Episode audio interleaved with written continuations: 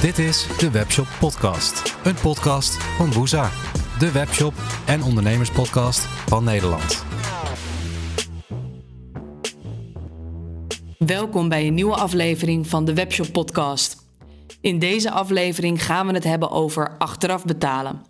Het schijnt namelijk dat je 10% meer conversie kunt realiseren door simpelweg deze betaalmethode toe te voegen aan je checkout. Waarom ik dit onderwerp wil behandelen is omdat ik merk in de markt dat veel webshops nog twijfelen over het aanbieden van deze betaalmethode.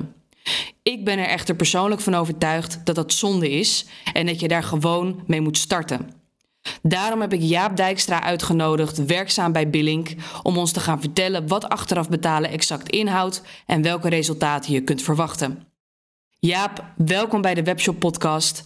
Tof dat je hier aanwezig wil zijn. Ik zou je willen vragen om te starten met een korte introductie over jou en uiteraard het bedrijf Billink. Yes, uh, Jaap Dijkstra, 34 jaar, woonachtig in Vleuten. Papa van twee kindjes, een meisje van vier en je zoontje van uh, zes. Um, op dit moment zes maanden actief als uh, sales manager en partner manager bij Billink. Terug van weg geweest, een kleine drie jaar geleden Billink verkozen voor onze toenmalige en nog steeds partner P.nl. Uh, destijds in de rol van Key Account Manager overgestapt naar partner management binnen P.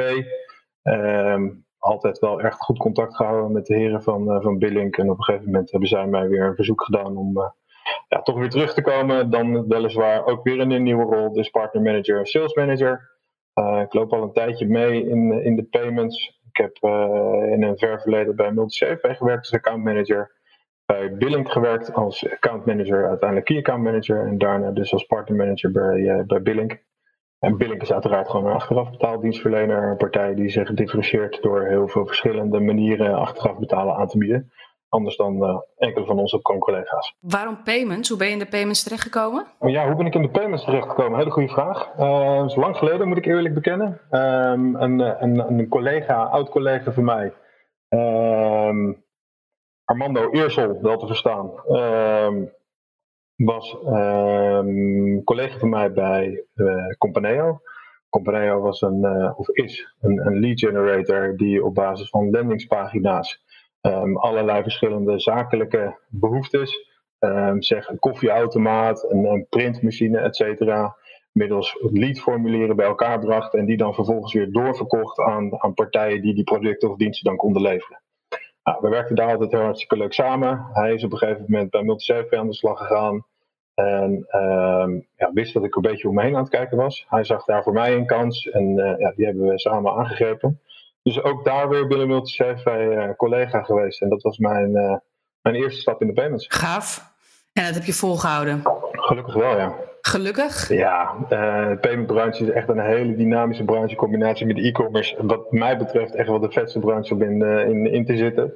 Als je ziet hoe divers onze branche is, waar je allemaal mee te maken gaat krijgen, met ook de internationale prikkelen die daarbij komen kijken. Vanuit mijn rol als partnermanager, de verschillende invalswegen um, die, die je kan, uh, kan bewandelen om tot je successen te komen. De enorme diversiteit aan expertises. Ja, wat mij betreft gewoon echt een hele vette markt om, uh, om, om in werkzaam in te zijn. Dus wat dat betreft gelukkig. Uh, wat ik al zei, een heel klein uitstapje gemaakt over bij een een andere soort werkgever gewerkt. Dat was hem gewoon niet. Um, maar toen kwam ik weer terug binnen de payments. En daar ben ik heel blij mee. Wat mij betreft ook wel uh, eentje waar ik uh, de, de rest van mijn leven in zal blijven zitten. Kijk, nou ja, dat is een mooi compliment denk ik voor alle werkgevers die je tot nu toe hebt gehad in de payments, toch? dat hoop ik. Ik hoop dat ze het zo ervaren. ik denk het wel. En daarvan twee keer geef je aan um, bij een achteraf betaaldienstverlener, weliswaar dezelfde, Billink. Ja. Nou, mag, mag ook gezegd worden, dat is ook waar wij elkaar van kennen, hè, van origine. Ja, klopt. Want we zijn daar alle twee werkzaam geweest. Wat is nou een achteraf betalen wat jou zo erg aantrekt? Achteraf betalen trekt me heel erg aan omdat het echt een, ook weer een hele diverse betaalmethode is. Kijk, je hebt natuurlijk een legio aan betaalmethoden binnen, binnen payments. Um, een van de meest relevante en een van de meest bekende, in ieder geval onder de consument, is natuurlijk Ideal. Um, op enige afstand gevolgd door creditcard. Um, ja, en dan komen toch de, ja, in volksmond misschien wat exotischere betaalmethoden, zoals achteraf betalen. Achteraf betalen is heel divers, omdat het enerzijds een product is wat de consument ehm, van gemak dient. Uh, consument heeft op het moment dat ze achteraf betalen, uh, 14 dagen de tijd om de eerste betaaltermijn dan te voldoen. Um, het mooie van achteraf betalen is dat het consument dus eigenlijk de tijd geeft om op het moment dat de producten uh, na bestelling ook daadwerkelijk thuis afgeleverd worden, nog 14 dagen de tijd hebben, dus feitelijk bedenktijd hebben, alvorens ze daarvoor ook echt de portemonnee moeten trekken. Dus op het moment dat ze iets van ons ontvangen, of althans van de, van de merchant ontvangen, wat niet naar de zin is, of om wat, omwille van wat voor reden dan ook toch geretourneerd moet worden, dan heeft de consument gewoon uh, geld in de, in, de, in, de, in de portemonnee eh, kunnen houden. Uh, ja, dat is natuurlijk een enorm ja, prettige bijkomstigheid, denk ik, van, van het doen van online aankopen. Anderzijds is het voor de merchant een hele interessante, omdat het uh, ja, misschien de, drempel wat verlaagt om uh, producten aan te kunnen schaffen voor de consument. Waardoor ze initieel een wat hogere conversie kunnen realiseren binnen de checkout. Um, in de regel is dat om de 10% op het moment dat je achteraf betalen als nieuwe betaalmethode opneemt in je checkout. Um, voordat we zo'n consument accepteren uh, voor, het achter, voor het gebruik maken van achteraf betalen, doen we natuurlijk een kredietwaardigheidscontrole. Um, we nemen daarin in eerste instantie de consument tegen zichzelf in bescherming en controleren we of ze liquide genoeg zijn om überhaupt achteraf te mogen betalen. Of dat ze in ieder geval een positie dermate is dat ze dat ook kunnen. Aan de andere kant uh, zorgen we dus voor de merchant ook dat zij gewoon ja, zuivere klanten hebben, zeg maar, die ook goed zijn voor hun geld. Uh, want wij nemen voor de merchant ook nog het risico op eventuele bandbetaling over. Dus eigenlijk zeg je, de consument kan zonder risico een product bestellen en uh, pas betalen op het moment dat ze het product in huis hebben. Ja. En de merchant die loopt daarbij eigenlijk geen risico, dus de webshop. Klopt. Trekt dat niet de verkeerde doelgroep aan? Nee, grappig genoeg uh, is, is, dat iets wat, wat heel veel mensen denken en, en ook zeggen. We hebben daar uh, niet zo heel lang geleden nog onderzoek naar gedaan. Uh, ook een whitepaper overigens over geschreven, waaruit blijkt dat juist um, over het algemeen gezien dan um, het de wat hoger opgeleide mensen zijn um, die voor die achteraf betalen kiezen. Naar alle waarschijnlijkheid, omdat die ook voor zichzelf misschien het risico beter kunnen incalculeren uh, op eventueel het retourneren van een product of het uiteindelijk niet zelf, zelfs niet eens uitleveren van een product. Het moment dat de merchant, de webshop, uh, namelijk zijn verplichting op het uitleveren van hun product ook niet nakomt, ja goed, dan hebben ze dus nog steeds de portemonnee dichtgehouden. Um, en is het aan ons ook om te kijken bij de webwinkel, waarom heb je je producten niet uitgeleverd? Dus eigenlijk zeg je dat de doelgroep die, die achteraf betalen aantrekt, dat zijn um, ja, de mensen die wat meer kunnen inschatten wat de risico's zijn van online bestellen. Um, en daardoor dus vanuit eigen veiligheid ervoor kiezen om, uh, om achteraf te betalen. Dat is inderdaad wat ik zeg. Uh, nogmaals, als je leest wat, wat, wat, wat onze whitepaper omschrijft, dan blijkt daar in ieder geval uit dat het over het algemeen wat hoger opgeleiden zijn die producten als achteraf betalen.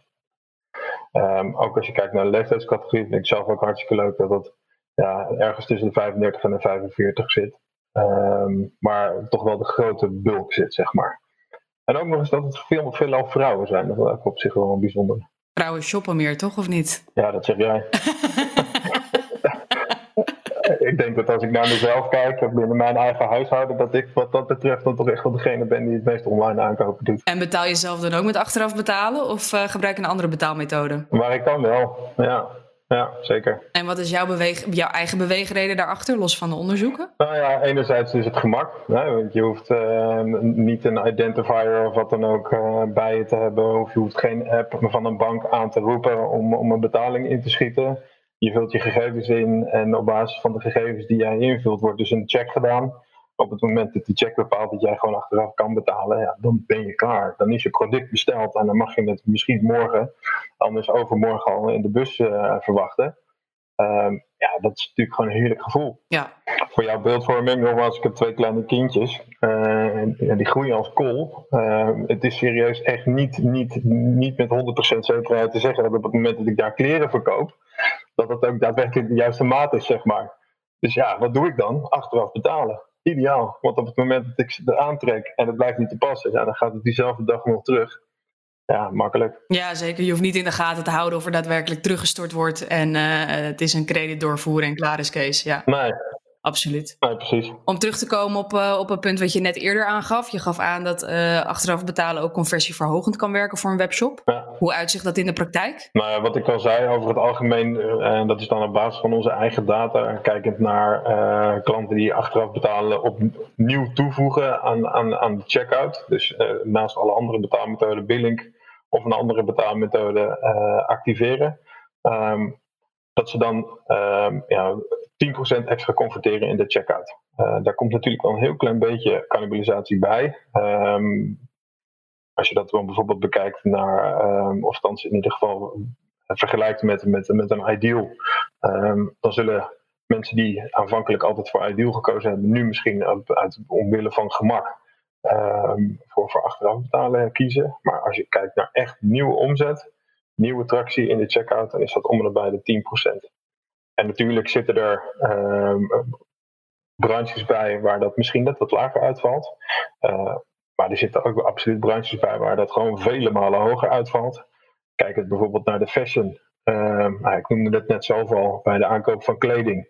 Wil het wel eens prettig zijn dat je gewoon net even wat langer je geld binnenhoudt. En uh, dat je gewoon alle producten die je hebt aangekocht kan uh, retourneren op het moment dat niet de juiste maat blijkt meteen overigens ook een probleem wat ik daar aanhoud voor de fashion. Maar ja, goed, in die branche zie je dat het ja, om en bij de 30% zelfs wel kan zijn dat ze extra gaan converteren op het moment dat achteraf betalen aangeboden wordt. Maar dat is wel een risico voor mij als webshop, want dan bij Ideal heb ik direct mijn gelden, zeg maar. En bij achteraf betalen, dan uh, moet ik wachten op mijn geld. En um, ik weet ook niet precies wanneer ik het krijg, want dat is afhankelijk van wanneer de gebruiker betaalt? Of hoe, hoe gaat het precies in zijn werk voor de webshop? Nou, daar is de afgelopen paar jaar wel een uh, verandering in geweest. Voorheen was het vaak zo dat uh, er echt wel een redelijk lange termijn gehanteerd werd voor het daadwerkelijk uitbetalen van, van, de, van de gelden. Inmiddels is, is standaard uh, eh, 30 dagen na het doen van de bestelling uitbetalen richting de webshop. Um, ook op het moment dat een consument onverhoopte gelden nog niet zou hebben overgemaakt. Maar uiteraard um, is dat ook gewoon te verkorten. Um, waar wij nu zelf uh, mee werken zijn de uitbetaaltermijnen van 30, 21, 14 en, en 7 dagen. Waarin we dus de webwinkel al kunnen uitbetalen. En waar is dat van afhankelijk? Of je daarvoor een aanmerking komt? Wij rekenen daar een, een extra percentage op de, op de order voor. Um, wat ons in staat stelt om ook eerder uit te kunnen betalen. Dus eigenlijk als jij een webshop bent en jij wil achteraf betalen gaan aanbieden, dan um, kun je er in basis van uitgaan dat je 30 dagen extra op je geld moet wachten. Maar dat je wel 100% van het geld wat achteraf betaald is, mag verwachten slash ontvangen. Ja, en dat heeft natuurlijk een bepaalde doorlooptijd. Kijk, op het moment dat je vandaag start met billing, um, dan mag je er 100% van uitgaan dat je over 30 dagen sowieso je eerste gelden binnenkomen vallen. Um, tenzij uh, bedragen natuurlijk al eerder betaald worden door consumenten. Daarnaast is het ook nog zo dat op het moment dat we uh, gewoon al enige tijd lopen, bijvoorbeeld twee weken of twee maanden, dat het geld gewoon zich opstapelt. Want ondanks dat we een betaal, uitbetaaltermijn um, hanteren van, van bijvoorbeeld dan die 30 dagen, is het wel zo dat binnengekomen gelden bijvoorbeeld wekelijks uitbetaald worden. Hoe, um, hoe verhaalt achteraf betalen zich tot, um, tot de wettelijke verplichting? Want volgens mij ben je wettelijk verplicht om 50% van, van de hoofdsom uh, achteraf te kunnen laten betalen. Ik weet niet of die wet nog steeds exact hetzelfde is, maar hoe, hoe zit dat tegenwoordig? Ja, naar mijn weten is het nog altijd zo dat inderdaad wat jij ook zegt, je als webshop uh, verplicht bent om 50% van de aankoopsom op een later moment uh, aan de consument, althans door de consument aan de webshop te kunnen laten voldoen.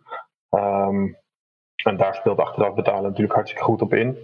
Voorheen was het zo dat um, naast achteraf betalen reimboerster ook nog wel voor gebruikt werd. Um, en daar werd tot een bepaalde hoogte ook een beetje misbruik van gemaakt, omdat Remboers op die manier dan dermate duur werd ingezet um, dat het niet gebruikt werd, maar de webwinkel wel aan de verplichting voldeed.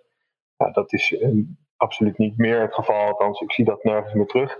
Achteraf betalen is op dit moment wel echt een van de meest gebruikte uh, betaalmethoden om in ieder geval aan die verplichting te kunnen voldoen. Als je kijkt naar bijvoorbeeld een, uh, een, een, een thuiswinkel, ehm, die controleren heel streng op die regels. En die verplichten ook een vorm van achteraf betalen in de checkout. Wil je daar überhaupt uh, het keurmerk mogen dragen? Oké, dus vanuit de keurmerken wordt ook gewoon verplicht gesteld dat achteraf betalen een optie moet zijn.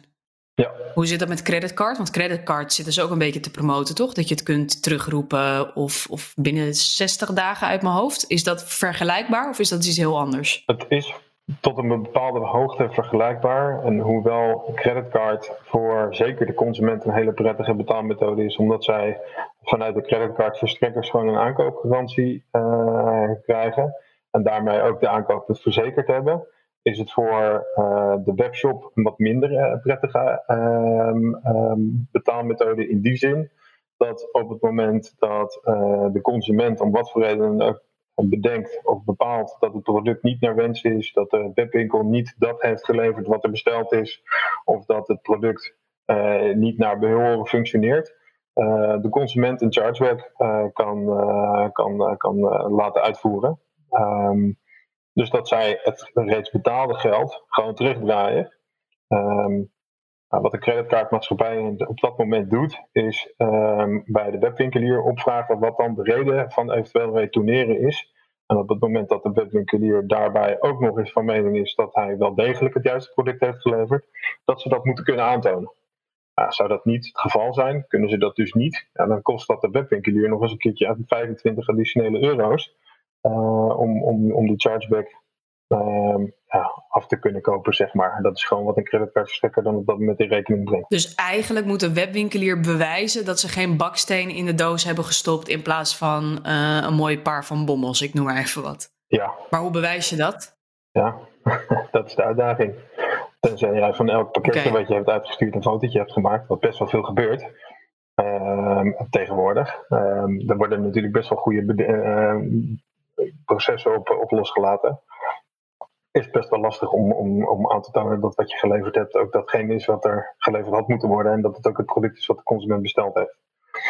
Maar ja, goed, dat is creditcard. Maar hoe gaan jullie daarmee om dan? Want ik kan me voorstellen dat, dat, uh, dat er wel een percentage is van klanten die inderdaad de discussie aangaat met jullie als achteraf betaalprovider. Van hé, hey, ik heb niet geleverd wat ik verwacht had. Consumenten zijn best wel uh, kritisch tegenwoordig. Ja. En ook Nou ja, goed, kijk, op het moment dat er zich een dispuut voordient, dan zullen wij gewoon optreden als een intermediair en proberen wij tussen de consument en de webwinkel, onze klant, uh, natuurlijk gewoon te, te en, en ervoor te zorgen dat, ja, dat iedereen gewoon krijgt waar hij uh, uh, voor getekend heeft, zeg maar. Um, kijk, op het moment dat, dat er een, bij wijze van spreken rode pen wordt besteld en er wordt een blauwe uitgeleverd, ja goed, dan is het gewoon in de webwinkel om dat op te lossen. Um, en dat de consument dat dan moet retourneren. Dat mogen duidelijk zijn. Ja, dus dan jullie, jullie nemen daar geen beslissing in. Het is gewoon puur van: hey, uh, webwinkelier, controleer dit, uh, dit dispuut even. Ja. Um, kan, kan, je daarin ook iets doen met betaaltermijnen of, of iets dergelijks? Nou ja, in een uitzonderlijk geval um, biedt ons systeem zich ervoor, en dat zou bij onze co collega's niet anders zijn, um, dat een, een, een betaling on hold gezet wordt.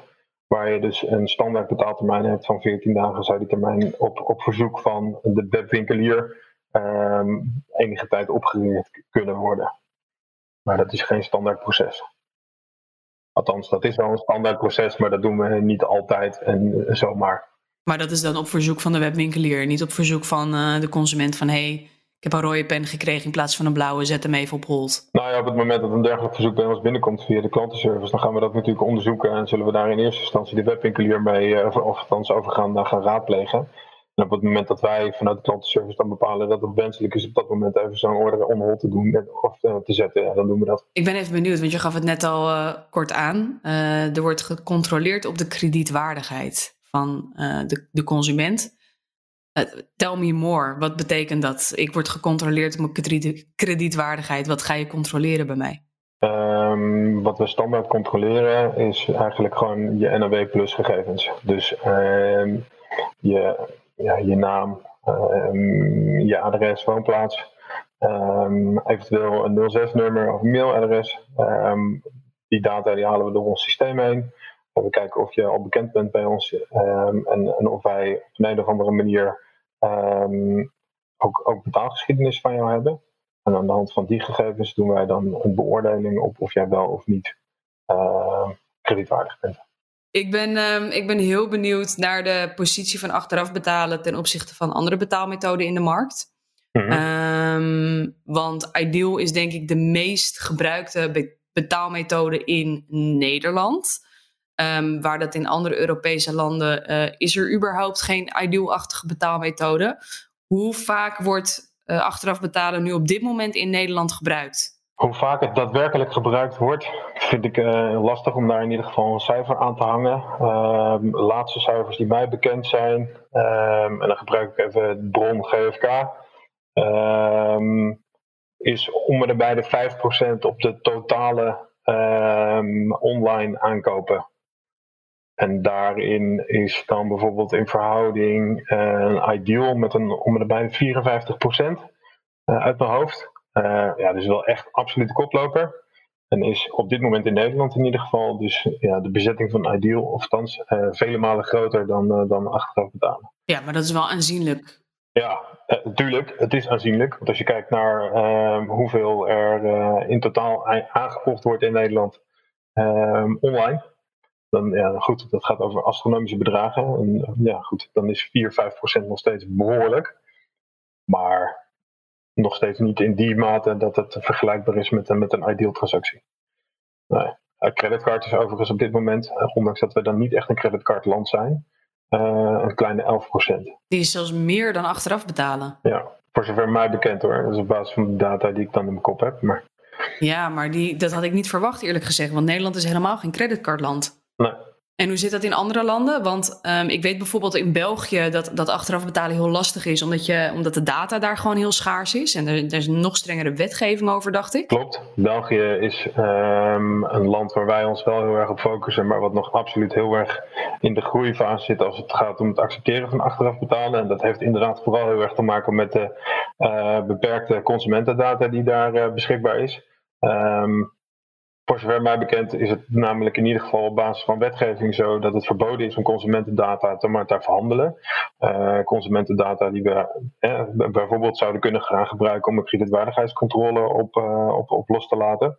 Op het moment dat je die data niet voorhanden hebt, niet op die manier, en dan zal je op een of andere manier een local presence moeten gaan opbouwen om dan zelf ook die data te gaan vergaren. Dus wat dat betreft is het tot een bepaalde hoogte ook een beetje trial and error om dan in België ook voetengrond te krijgen. Um, in andere Europese landen om ons heen is het echt heel anders. In Duitsland is achteraf betalen bijvoorbeeld echt wel, echt, uh, echt wel een hele serieuze. Um, en, en je staat ook eigenlijk niet meer uit het straatbeeld weg te denken, zeg maar. En welke andere landen hebben dat uh, redelijk geaccepteerd, achteraf betalen? Nou ja, uh, Scandinavische landen. Um, daar, daar is veel beweging als het gaat om achteraf betalen. Um, en voor de rest is dat echt ja, nog niet in die mate geaccepteerd als in de landen die ik net genoemd heb.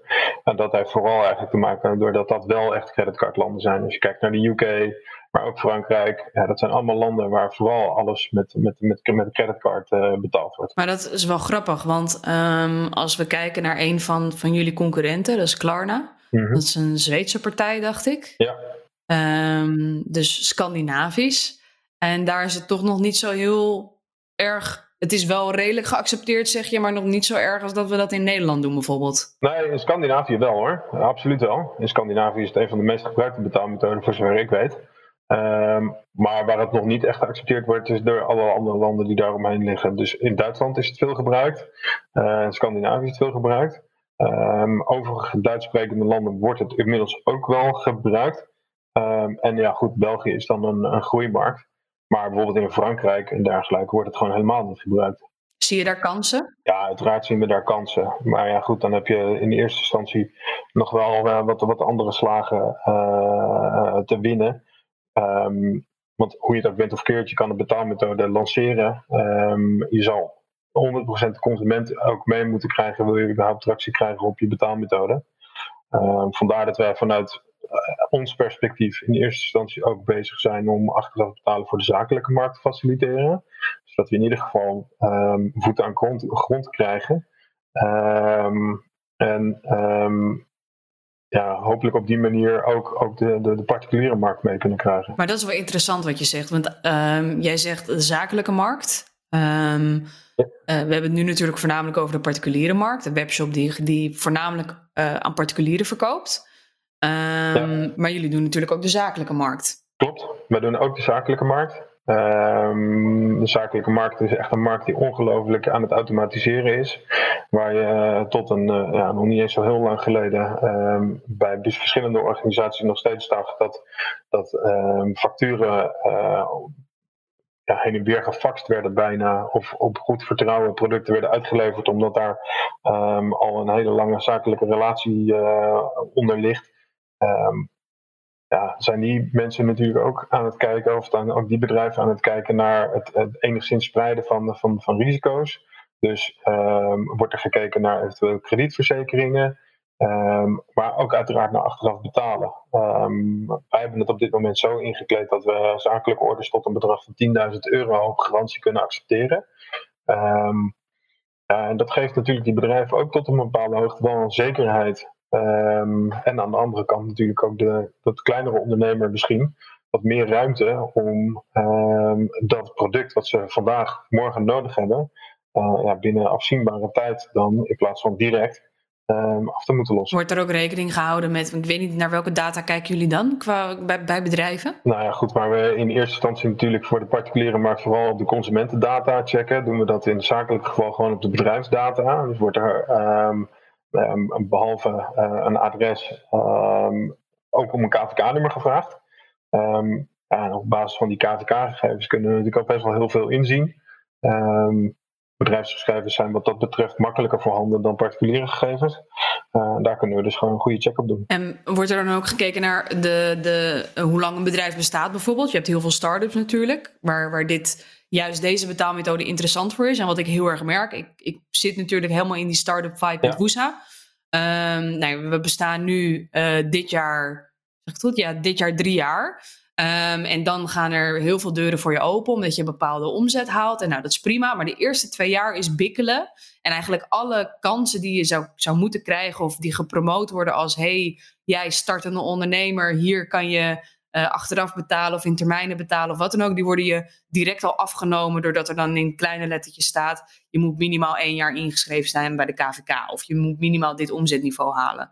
Hoe kijken jullie naar zo'n bedrijf voordat diegene achteraf mag betalen? Nou ja, ook wij kijken daar natuurlijk naar. Uh, waar we onder andere naar kijken bijvoorbeeld is of er gedeponeerd wordt en, dergelijke zaken. Uh, wat ik net al zei, we accepteren orders tot een bedrag van 10.000 euro. Um, dat betekent natuurlijk niet dat wij altijd voor iedereen altijd maar een acceptatiegrens van, van 10.000 euro hebben op basis van de gegevens die wij verstrekt krijgen van zo'n bedrijf. Gaan we gewoon kijken waar de bovengrens ligt. Um, ja, en dat wil wel eens variëren. Maar voor de ene is het 2500 euro en voor de andere is het 1000. Ja. Um, en op basis van die gegevens zou het dus zo kunnen dat je ook wel afgewezen wordt. Um, gelukkig is Billink in staat om daar net even wat verder in mee te denken. Um, zeker in het zakelijke segment is het heel erg belangrijk om ook met de ondernemer um, te kijken naar hoe ziet je, je vaste klantenbestand eruit. Um, heb je op dit moment al klanten die uh, op enige wijze gebruik maken van een, van een methode die lijkt op achteraf betalen? Hè, bijvoorbeeld het uitleveren op basis van een factuur die dan binnen 30 dagen voldaan moet worden. Um, en als dat zo is, en als daar bijvoorbeeld al een goede relatie ook mee is, Um, of we daar dan misschien niet ook gewoon um, geen kredietwaardigheidscontrole op moeten uitvoeren. Uh, met andere woorden, dat wij wel de hele facturatie van die klanten, van die, van die ondernemers overnemen. Maar dat zij daarin het risico dragen op eventuele wanbetaling. Dat alles om in ieder geval ook het risico te voorkomen dat een welgewaardeerde klant, uh, omwille van wat voor reden dan ook, uh, afgewezen wordt. En ze daarmee dan de relatie verstoren. Daarbij komt ook nog dat we op een, of andere manier um, er altijd naar streven om ook in het zakelijke segment het vertrouwen uh, te behouden. Wat, wat, wat bedrijven daarmee uh, hebben opgebouwd. Ook op, gewoon op het gebied van achteraf betalen. Waardoor we bijvoorbeeld de facturatietemplates, uh, de facturen en dergelijke volledig white labeled kunnen inkleden. Waardoor dus vooral de bedrijfsnaam en dergelijke prominent naar voren komt en niet zozeer onze naam. Waar we dat bijvoorbeeld in de particuliere sector veel meer doen. Ja, dat is ook logisch, want je, je wil in de particuliere sector natuurlijk um, je, je naamsbekendheid hoger houden dan dat je dat uh, zakelijk doet. Zakelijk lijkt mij logischer dat de webshop juist zijn naam naar voren wil, uh, wil duwen, in plaats van dat inderdaad een billing daar, uh, daarboven staat. Ja. Is het dan ook zo dat, stel jullie um, nemen wel die garantie over en ik kies ervoor om, om wel gewoon het risico te lopen dat mijn gewaardeerde klant misschien afgewezen wordt of een lager budget van jullie krijgt. Op het moment dat ik meerdere keren via billing betaald heb, dat ik dan ook een, een hoger budget op een gegeven moment kan krijgen bij een nieuwe transactie? Ja, sowieso. De kredietwaardigheidscontroles die we uitvoeren, die zijn eigenlijk vooral gebaseerd op positieve data.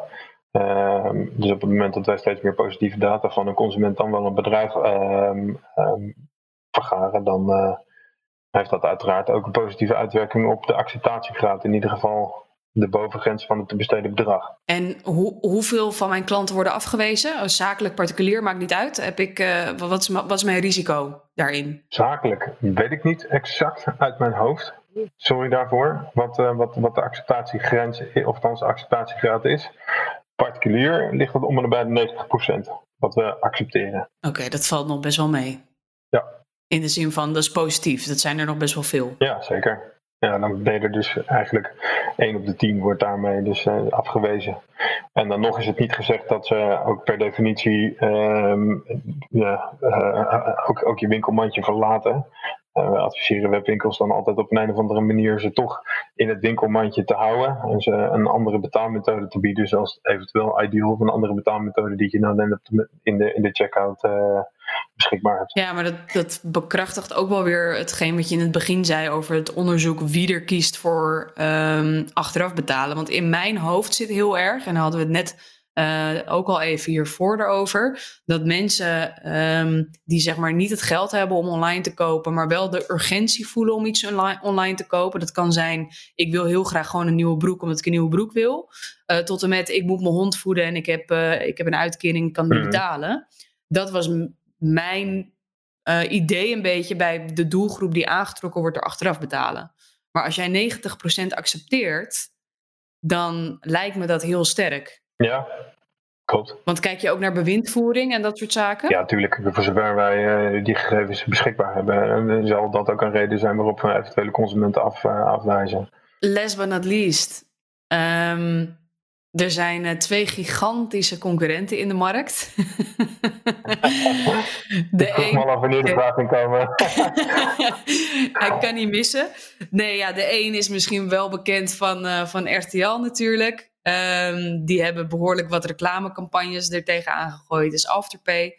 En de ander is, uh, waar hadden we het net al even kort over, de Scandinavische variant. En die zijn volgens mij ook flink aan de weg aan het timmeren. Klarna. Ja. Um, hoe, hoe, zie je, hoe zie je die verdeling in, in een markt waar maar slechts 5% van de uh, transacties klaarblijkelijk van gedaan wordt? Hoe, hoe, verdelen jullie die taart eerlijk een beetje met elkaar? Nou ja, goed, die taart, zeker in Nederland, is zo, zo ongelooflijk groot. Um, dat er ja, nog steeds genoeg is. Uiteraard zitten we elkaar echt wel eens in de weg. En dat mag ook. Uh, gezonde concurrentie is helemaal niet weg, want dat houdt ons ook gewoon hartstikke scherp. Um, Anderzijds is het ook zo dat wij door de diversiteit aan diensten die we bieden en um, de toch net even wat verder gaan, de technieken die we daarop loshouden. En dan heb ik het dus over bijvoorbeeld al alleen dat verschil tussen zakelijk en particulier.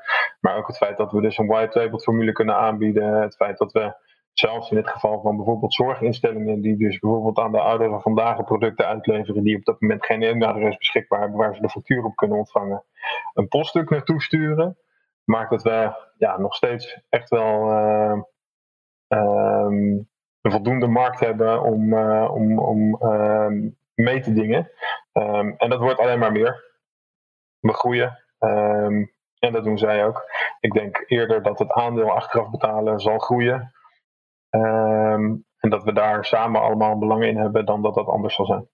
Dus eigenlijk uh, sla de handen in één en de drie musketiers die gaan ervoor zorgen dat uh, de 5% naar 15% toe gaat. ja, who knows. Kijk, uh, er zijn natuurlijk verschillende um, nieuwe initiatieven waar vanuit allerlei kanten aan gewerkt wordt. Um, ook wel berichten die ja, misschien gehoord worden over bijvoorbeeld het aanbieden van achteraf betalen in de winkel. dat je bijvoorbeeld middels een app fysiek in de winkel een, een, verificatie doet op, basis van de gegevens die je verstrekt hebt al aan ons of aan een van onze collega's. Um, en dat op basis daarvan bijvoorbeeld al op voorhand aangegeven kan worden dat er wel of niet in de winkel een product aangekocht wordt. Hoe tof is dat? Dat je gewoon in de winkel staat, dat je op basis van de gegevens die jij verstrekt uh, in die app uh, vaststelt dat je wel of niet kan betalen. op het moment dat je dat kan, ja, dat je gewoon een QR scant of dat je uh, op een, een of andere manier een betaling initieert. Um, en dat je ja, zonder daadwerkelijk een euro uitgegeven te hebben je producten mee kan nemen uit de winkel. Ja, het is een mooi toekomstperspectief. Maar wat doe je met mensen die, die dus een, een, rood scherm te zien krijgen en, en midden in de winkel staan en er nog net geen sirene afgaat met eh, eh, ja, u bent niet kredietwaardig, joejoe. nou ja, daarom is het naar alle waarschijnlijkheid een, een, een optie die vooral geïnitieerd wordt, bijvoorbeeld uit een app waar je um, je al hebt moeten, op, hebt moeten aanmelden, waar je al verschillende consumentendata hebt moeten verstrekken om überhaupt gebruik te kunnen maken van die app. En op het moment dat je dat dan zou willen doen, dat je op voorhand ook al weet of het kan. Um, ja, goed, in een situatie waarin je on publiek um, een aanwijzing krijgt, die is natuurlijk ondenkbaar. Dat kan niet. Dat bestaat niet. nee, dat is een beetje de, de oude, het oude gevoel van uh, uh, er, er, geen saldo en uh, het pinapparaat gaat piepen als een gek. Ja, ja precies. ja, nee, ik, ik voel de kleuren al meteen op mijn koontjes komen. Dat moeten we maar niet doen. um, dat, dat was een, een, kleine, kleine glimp in de toekomst van, um, van, van achteraf betalen. Zijn er nog andere gekke dingen die jij uh, voor mogelijk houdt met, um, met betrekking tot de betaalmethode achteraf betalen? Nou ja, andere gekke niet. Kijk, we blijven natuurlijk allemaal doorontwikkelen. En natuurlijk zijn er allemaal slimme dingen die wij op dit moment aan het onderzoeken zijn. Om ervoor te zorgen dat we bijvoorbeeld onze acceptatiegraad nog verder naar boven kunnen bij, uh, bijstellen. Um, zodat we steeds meer consumenten kunnen, of, uh, kunnen gaan, gaan gaan verwelkomen in onze checkout en ze ook een, een, positieve terugkoppeling kunnen geven. Aan de andere kant, ja goed, ik had het er net al even over. Zakelijke markt is natuurlijk heel veel te halen. Um, zakelijk is ook een, een van onze pijlers internationaal. Um, omdat wat ik al uitlegde, je daar heel veel bedrijfsgegevens voor gebruikt, in tegenstelling tot consumentendata, die bijvoorbeeld in een land als België wel beter of makkelijker voorhanden is dan, uh, dan consumentendata, waardoor we ja, daar ook verwachten in ieder geval sneller tractie te kunnen gaan, uh, gaan krijgen. En dat is in ieder geval een van de pijlers waar wij ons op dit moment heel erg op focussen. Um, ja, heel veel nieuwe kansen en uitdagingen om uh, te gaan onderzoeken. Cool. Gek dat het uh, dat, dat achteraf betalen dus in de zakelijke markt internationaal gezien wel geaccepteerd is maar bij particulieren toch wat minder, of misschien meer geaccepteerd? Nou ja, of het echt geaccepteerd is, weet ik niet. Hè. We zijn het nu aan het onderzoeken. We hebben een, uh, een, een lancering gedaan in de daglanden, dus Duitsland, Oostenrijk, Zwitserland. Um, waar we dan um, het vooral in eerste instantie, en zo doen we dat ook met de particuliere markt, um, Nederlandse ondernemers de mogelijkheid geven om internationale klanten achteraf te laten betalen. En dat doen we dan op basis van die gegevens op het moment dat onze ehm, ehm, data op een gegeven moment dermate is dat we ehm, ook daadwerkelijk in die landen uh, klanten kunnen gaan aansluiten, ja, dan zal dat natuurlijk veel harder gaan. Maar in eerste instantie is het dus zo dat we vooral de Nederlandse ondernemer faciliteren met een betaalmethode die ze ook over de grens kunnen gaan gebruiken, zodat ze ook internationale klanten kunnen gaan, of consumenten, uh, of zakelijke klanten kunnen faciliteren met achteraf betalen. Ja, en, en als je nu uh, tegen een, een, een, webshop voor je zou hebben zitten en uh, je zou tegen die webshop moeten zeggen: Dit is waarom je moet starten met achteraf betalen, even los van billing, Afterpay of Klarna. Dus uh, waarom vind jij dat een webshop een dergelijke betaalmethode moet gaan aanbieden? Nou ja, wat ik net al zei, op het moment dat je het nog niet gebruikt, is achteraf betalen absoluut een betaalmethode die gewoon de drempel verlaagt voor een hele grote klantgroep. Um, een klantgroep die dus niet, zoals heel veel mensen denken, per definitie um, um, op hete kolen zit of financieel even in een wat makkelijke situa situatie zit. Maar gewoon puur omwille van um, het feit dat ze bijvoorbeeld als consument nog niet eerder bij jou in de webwinkel zijn geweest en, en zichzelf gewoon de, de, de vrijheid willen uh, behouden om op het moment dat een product wat ze geleverd krijgen niet naar me horen is, die terug te kunnen sturen zonder dat ze daar kosten voor maken. Een consument die naar alle waarschijnlijkheid op het moment dat je dat niet had aangeboden, dus helemaal niet gehad zou hebben, omdat hij nooit de checkout in was gegaan. Um, dus ja, waarom achteraf betalen? Het is gewoon een, absoluut een, een, een hele waardevolle uh, toevoeging aan je checkout, die naar alle waarschijnlijkheid meer uh, um, uh, omzet gaat, gaat genereren in je webwinkel. Nice. Kijk, als je kijkt nu in, in, in de checkouts van heel veel webwinkels, dan is eigenlijk creditcard naast Ideal altijd wel aanwezig. Um, de creditcard, uh, noemde ik net al, heeft tot een bepaalde hoogte voor de webwinkelier dus enkele risico's. Uh, om niet nog weer een keer in te gaan op eventuele eh, chargebacks. Maar hij is daarna ook nog best wel kostbaar. Omdat je gewoon best wel een redelijk percentage afdraagt over de order. Um, alleen maar voor het aanbieden van die betaalmethode. Nou ja, achteraf betalen is in verhouding tot creditcard gewoon een stuk voordeliger alweer. Nou, en met alle andere bijkomstige voordelen die de betaalmethode kent. Ja, is er gewoon eentje die je moet hebben. Weet je wat ideaal zou zijn? Vertel.